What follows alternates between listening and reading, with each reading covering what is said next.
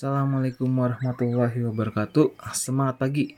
Selamat datang pada podcast pembelajaran bisnis teknologi informasi. Oke. Nah, sebelum kita mulai materinya, mohon teman-teman untuk mendownload materi yang sudah disediakan pada link spot. Nah, pada pada perkuliahan sebelumnya kita sudah membahas mengenai strategi pemasaran mulai dari manfaat strategi pemasaran, penggunaan 4C sebelum dilakukan metode 4P yaitu ada product, price, place, dan promotion dan kita juga sudah melakukan satu anggaran pemasaran dengan menghitung biaya-biaya apa saja yang ada pada pemasaran. Nah, pada pada perkuliahan kali ini kita akan membahas mengenai digital marketing. Nah, kenapa sih digital marketing? Mari kita lihat pada slide keempat. Potensi bisnis digital di Indonesia itu uh, ambil dari data WR Sosial tahun 2020 dan juga ada data dari Kominfo bahwa pengguna internet di Indonesia itu tahun 2020 itu sebanyak 175 juta 175 juta pengguna. Nah, kemudian di antaranya dia memiliki uh, satu mobile phone atau perangkat handphone atau smartphone sebanyak 171 juta.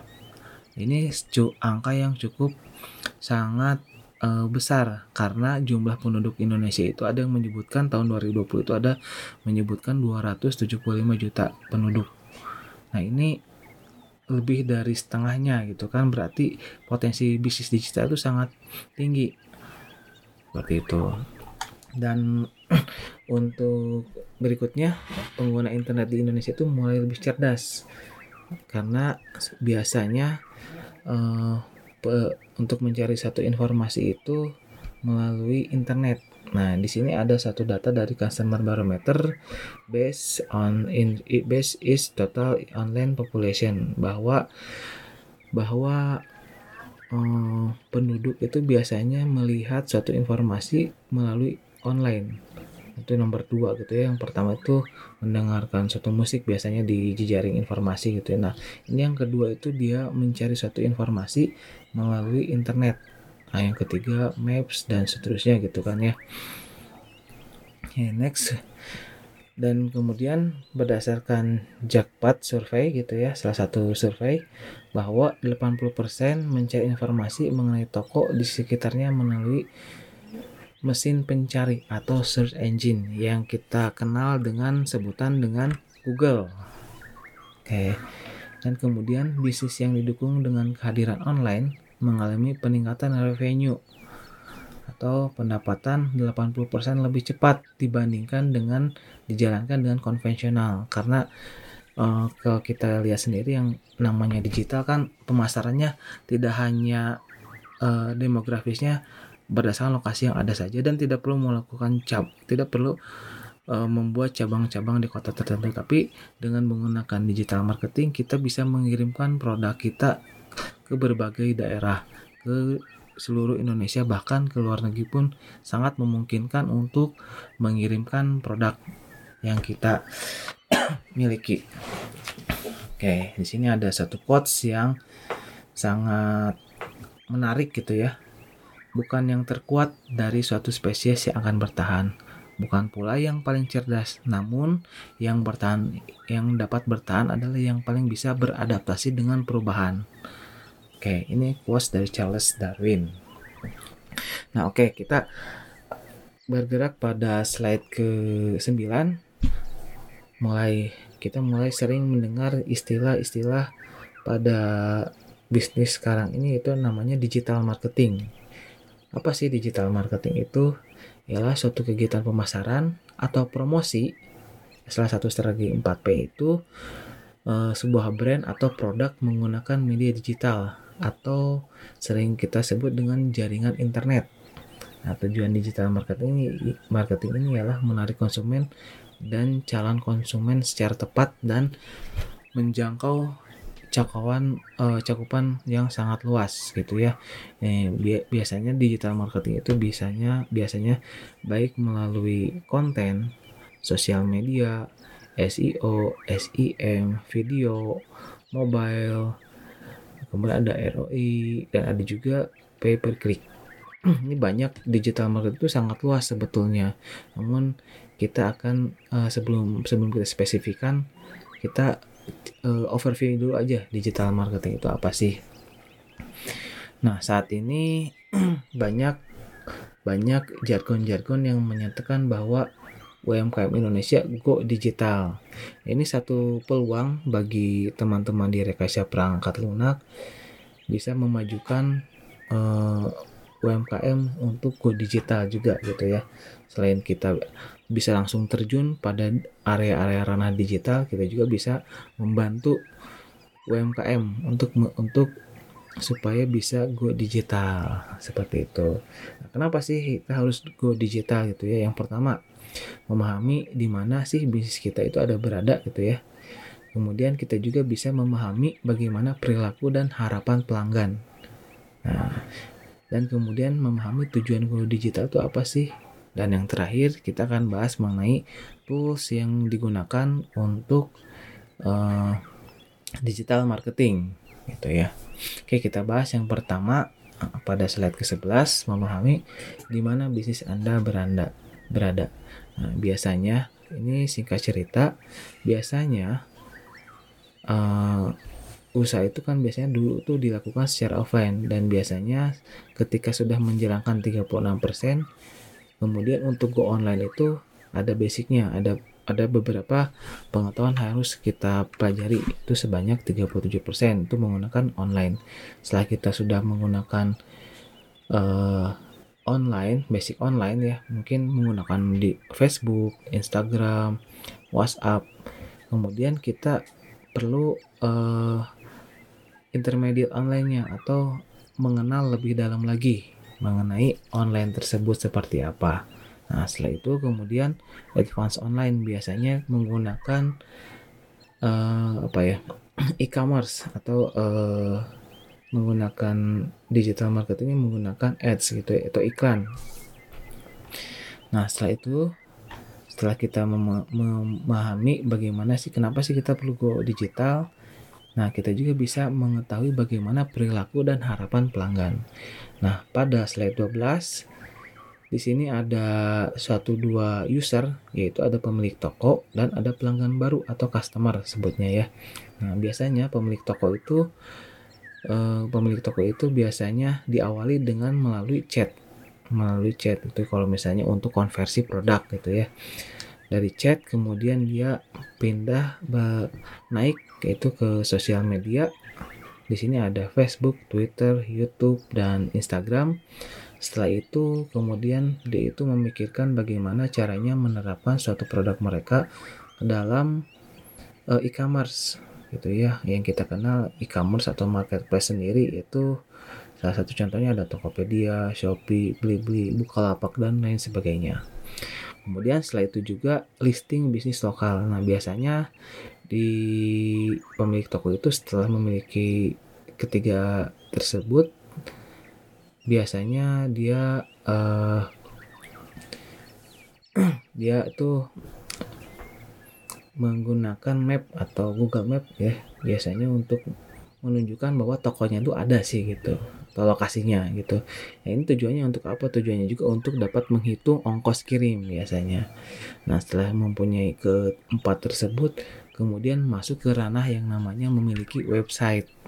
Nah, saat ini banyak sih sebetulnya pada poin ketiga atau di e-commerce sendiri banyak keluhan-keluhan dari berbagai UMKM ada ada biaya dan harus mengikuti aturan-aturan yang berlaku pada e-commerce mungkin dengan mem dengan memiliki situs web sendiri biasanya uh, kita independen gitu ya sebagai wirausaha independen tidak harus mengikuti peraturan yang ada pada e-commerce jika ingin jika ingin benar-benar menerapkan strategi di perusahaannya. Namun, hal ini berbanding terbalik dengan pelanggan baru atau customer. Biasanya customer melihat hal yang paling utama dia itu ialah si tokonya itu dia punya uh, website nggak gitu ya atau situs web nggak. Nah, situs web. Kemudian setelah itu lokasi bisnisnya atau atau letaknya ada di mana sih?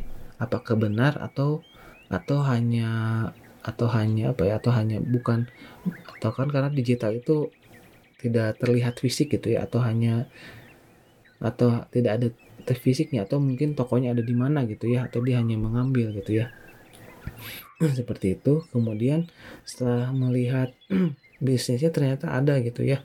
Bisa e, berupa misalnya ada letak demografisnya ada. Setelah itu kemudian dicek ada e-commerce-nya enggak nah biasanya kan biasanya penggunaan e-commerce ini untuk customer atau pelanggan yang ingin memiliki uh, potongan harga, potongan harga ataupun juga ada flash sale ataupun juga ada gratis ongkos kirim gitu seperti itu.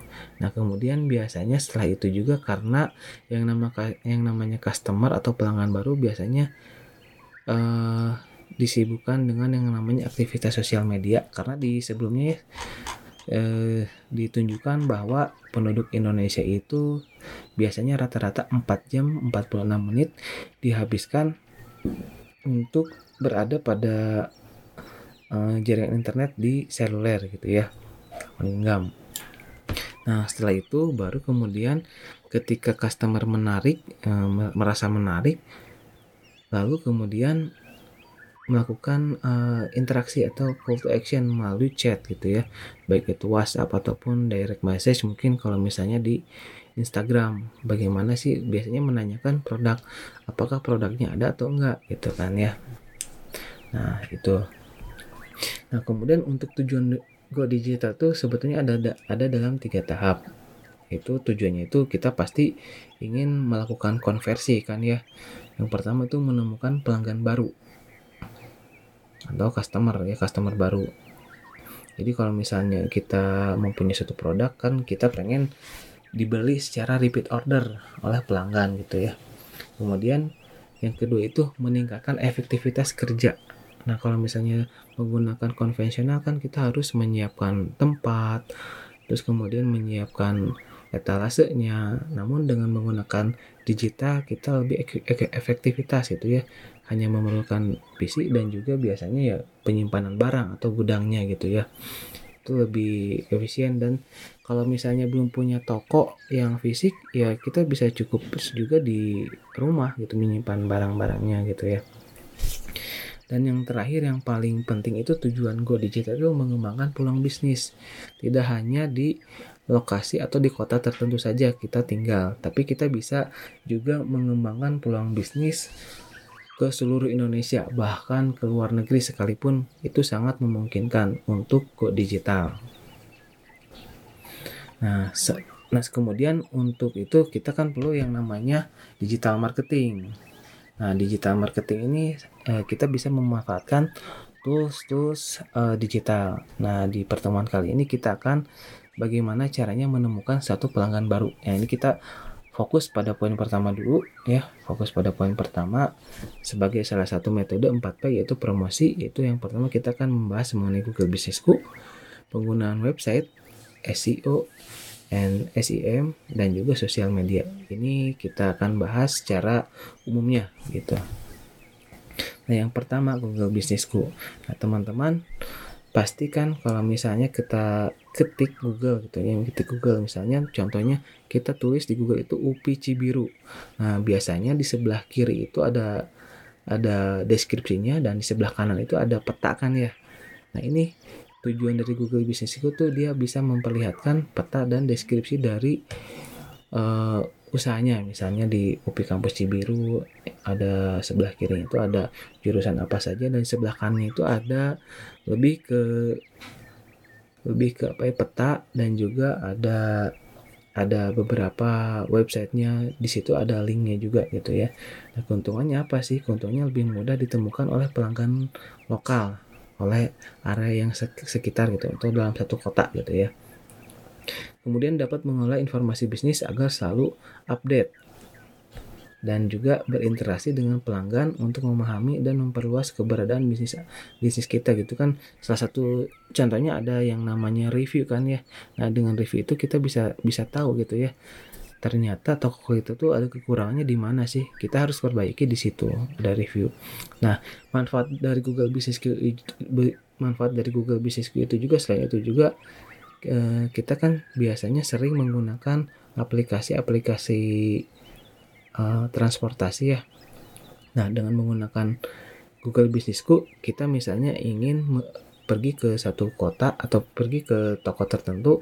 Nah, ketika kita sudah memiliki Google Businessku tuh biasanya sudah ada pada aplikasi-aplikasi seperti Gojek, terus kemudian uh, Grab juga sudah ada karena dia itu masuk ke Google ke database Google gitu ya untuk Google Business jadi ini sangat penting karena untuk memiliki Google Business itu juga tidak tidak mudah gitu ya. Yang pertama yang yang pernah saya alami itu biasanya mendaftar itu ya mendaftar. Kemudian setelah mendaftar kita menentukan posisinya posisi dari toko kita ada di mana.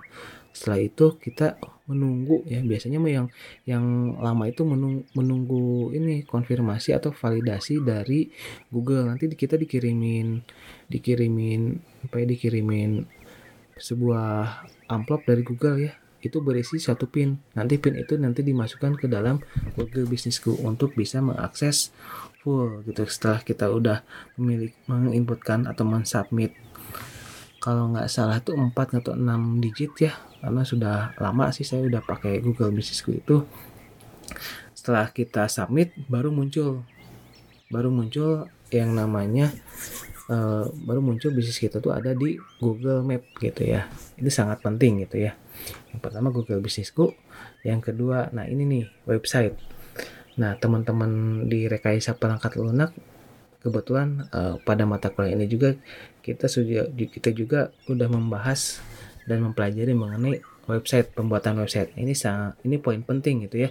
Salah satu poin penting untuk bisa bergerak pada ranah digital marketing gitu ya. Nah ini untuk keuntungan website sendiri yaitu ialah yang pertama itu membantu mengklaim keberadaan bisnis di dunia digital kemudian membuat pelanggan mudah menemukan bisnis kita dan yang ketiga itu website dapat menjadi customer service selama 24 jam. Nah, kan contohnya misalnya kita memiliki link-link misalnya link dari website ke WhatsApp e, jualan itu juga sangat memungkinkan.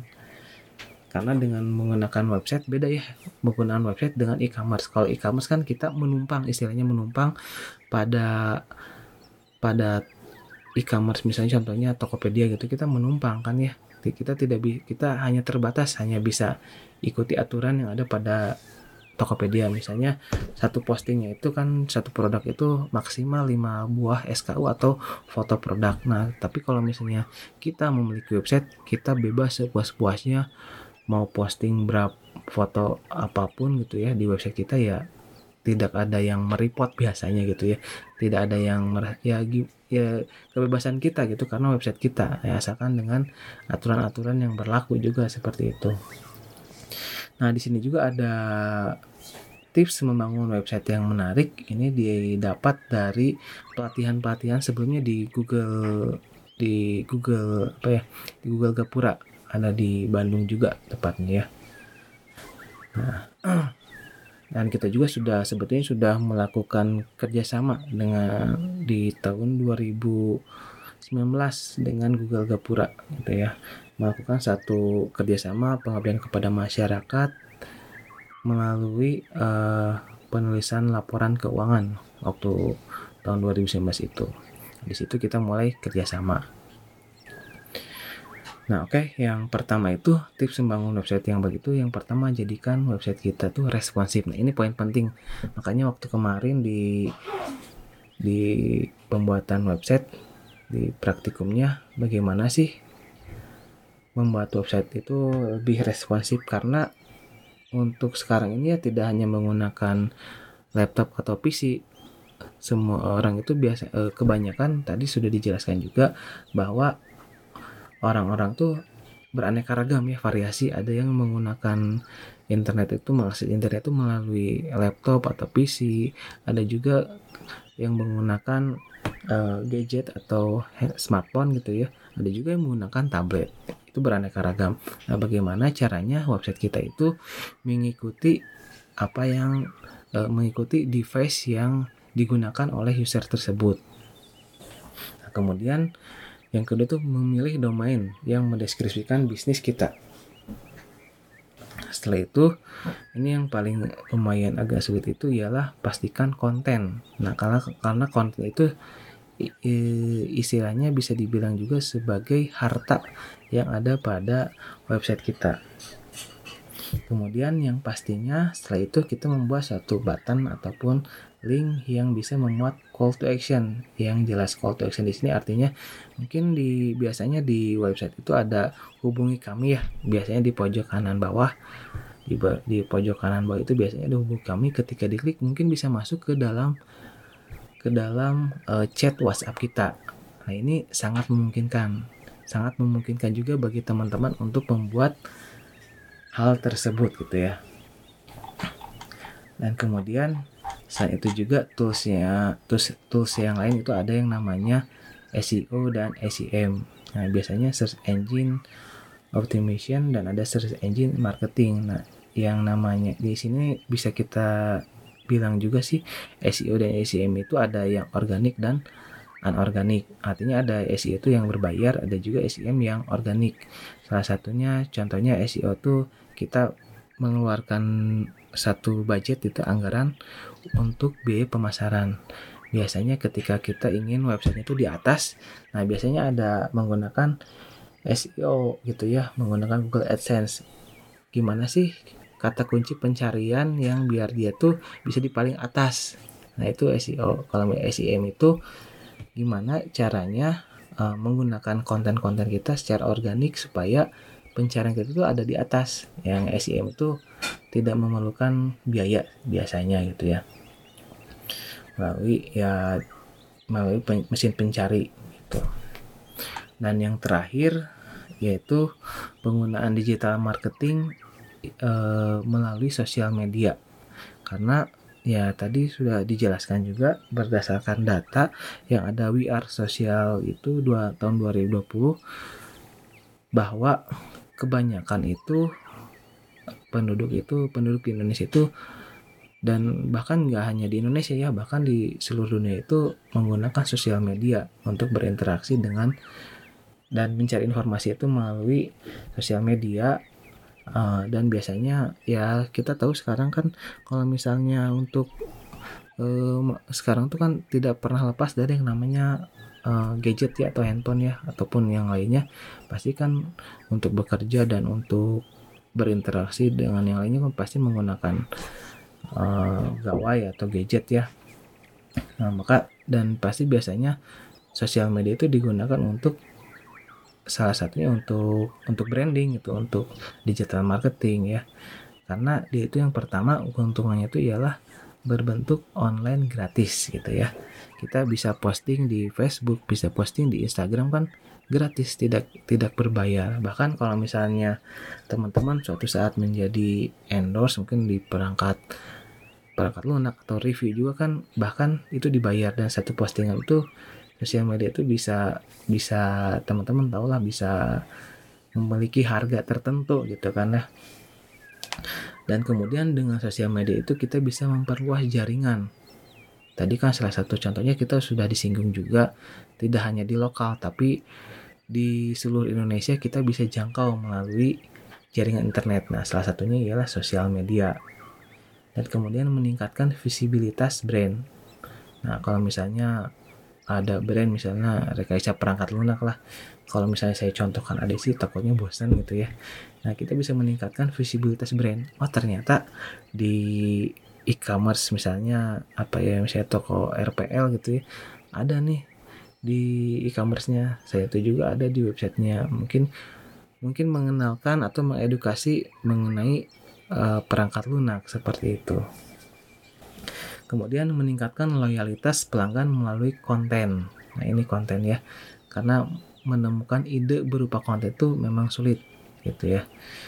Kemudian sarana pelayanan dan feedback pelanggan. Nah biasanya ketika posting kan ada komen ya komen komentar komentar. Nah itu digunakan untuk feedback.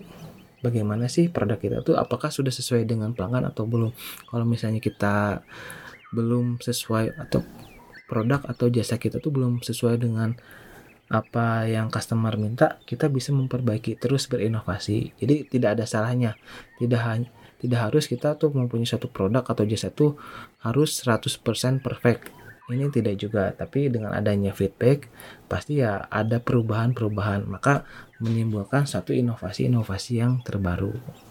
Nah mungkin untuk uh, pertemuan kali ini kita cukupkan sampai sini mengenai strategi marketing. Untuk selanjutnya kita akan jika ada pertanyaan teman-teman bisa langsung diskusi pada WhatsApp grup ataupun Telegram grup. Silahkan. Demikian dari saya. Assalamualaikum warahmatullahi wabarakatuh. Tetap jaga kesehatan dan tetap semangat pagi.